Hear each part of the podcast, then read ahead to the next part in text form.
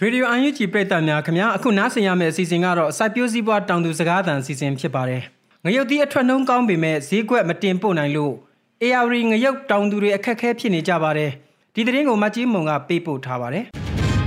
။လက်တလုံးမှာတော့ဇလွန်ဟင်းဒရဒနုဖြူညောင်တုံးပန်းတနော်မအူပင်ဝါခေမအိမ်မဲစတဲ့ AR ဒေသကငရုတ်တွေထွက်ရှိလာနေပြီးတရုတ်နဲ့ထိုင်းနိုင်ငံနယ်စပ်လမ်းကြောင်းတွေလုံခြုံရေးမကောင်းတဲ့အတွက်မတင်ပို့နိုင်ပဲ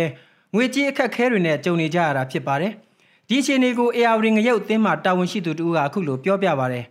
ဒီပညာတွေပြန်ပြီးတော့ငရုတ်တိရလည်းခုဒီနေ့ကယာတီကမှန်သွားတယ်။အဲတော့အန်ဒီညိုယာတီကငရုတ်တိအတွက်ကကောင်းတယ်ဗောနော်။စူတိုင်းသားနေတဲ့ယာတီလို့ဆိုတော့မိုးကြတော့မိုးကြကြမှာမိုးတိုင်းကြလို့မှလာဖြစ်ပြီးတော့ဗောနော်။အခုချိန်မှာတော့အတိကတအားထွက်လာ။မနစ်ကဆိုဂိုင်းပြားပုတ်တွေမိုးများတဲ့ခါကျတော့နောက်ပိုင်းမိုးများတော့ဂိုင်းပြားပုတ်ကြတယ်။အခုဒီနေ့ကဂိုင်းပြားပုတ်လည်းအတိကကောင်းကောင်းတော့တယ်အခုဒီနေ့တည်းဆိုဟိုဒီတက်တော့ကောင်းကောင်းကိုရတယ်။ ဒါပေမဲ့သွားလို့မရတဲ့ပြဿနာကတော့အကြီးပဲ။ငရုတ်တောင်သူတွေအားထားကြတာကပြပဝယ်လက်များတဲ့ငရုတ်တီးအမဲ့ဆိုဖြစ်ပြီးဈေးကွက်မကောင်းလို့ငရုတ်ဆိုတွေကိုအချောက်လှမ်းထားရပါတယ်။ဒီလိုငရုတ်အချောက်လှမ်းထားရတာကလည်းတရားဒီပြီးတရားဒီပုံလာလို့ထားတူရခက်လို့ပျက်စီးတာတွေရှိသလိုငရုတ်6ဈေးကွက်ကလည်းကျဆင်းလာနေပါတယ်။ဒါကြောင့်ငရုတ်ပေါ်ချိန်မှာမယောင်းရလို့ AR ကတောင်သူတွေအခက်ခဲရှိနေကြပေမဲ့အကြမ်းဖက်စစ်တပ်ကမြို့ရွာတွေကိုဖျက်လေးဖျက်အစီအစဉ်နဲ့ပိတ်ဆို့ထားတာကြောင့်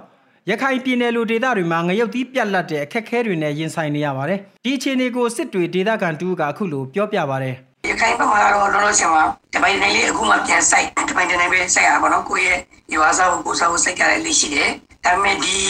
နှစ်လလောက်အတွင်းမှာငရုတ်တီးက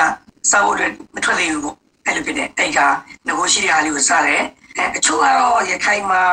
အဲရဲ့တန်တွေးရဲ့ကြောက်ဖြူရဲ့စစ်တွေရဲ့ကတော့ လီနဲ့ဝင်ထွက်သွားလာခွင့်ရှိတယ်နှုတ်ဘောကလူတွေအများအပြားတော့စစ်တွေကနေစဉ်လီသုံးလေးစင်းစင်တာဟုတ်အဲ့တော့ရန်ကုန်လာတဲ့လူတွေကရခိုင်ကိုပြန်ရင်မဖြစ်မနေယူသွားတာကျန်တာမယူတော့ဘူးငရုတ်တီးနဲ့ချက်တုံးဝယ်ယူသွားတယ်ချက်တုံးက3000ကျော်လောက်ငရုတ်တီးကအဲ3000ဝန်းကျင်လောက်အတူရှိပါစေးရှိနေတာကို။ AR တိုင်းမှာငရုတ်စိုက်ဧက3000လောက်ရှိပြီးတနိုင်ငံလုံးစိုက်ဧကက2,9000ကျော်စိုက်ပျိုးကြတာဖြစ်ပါတယ်။ စိုက်ဧက3000လောက်ကထွက်ရှိလာမဲ့ငရုတ်တွေဈေးကွက်မတင်ပို့နိုင်တော့ရင်မိုးကြလို့မြင်းနုကျွန်းပေါ်ရေရောက်လာတဲ့အခါ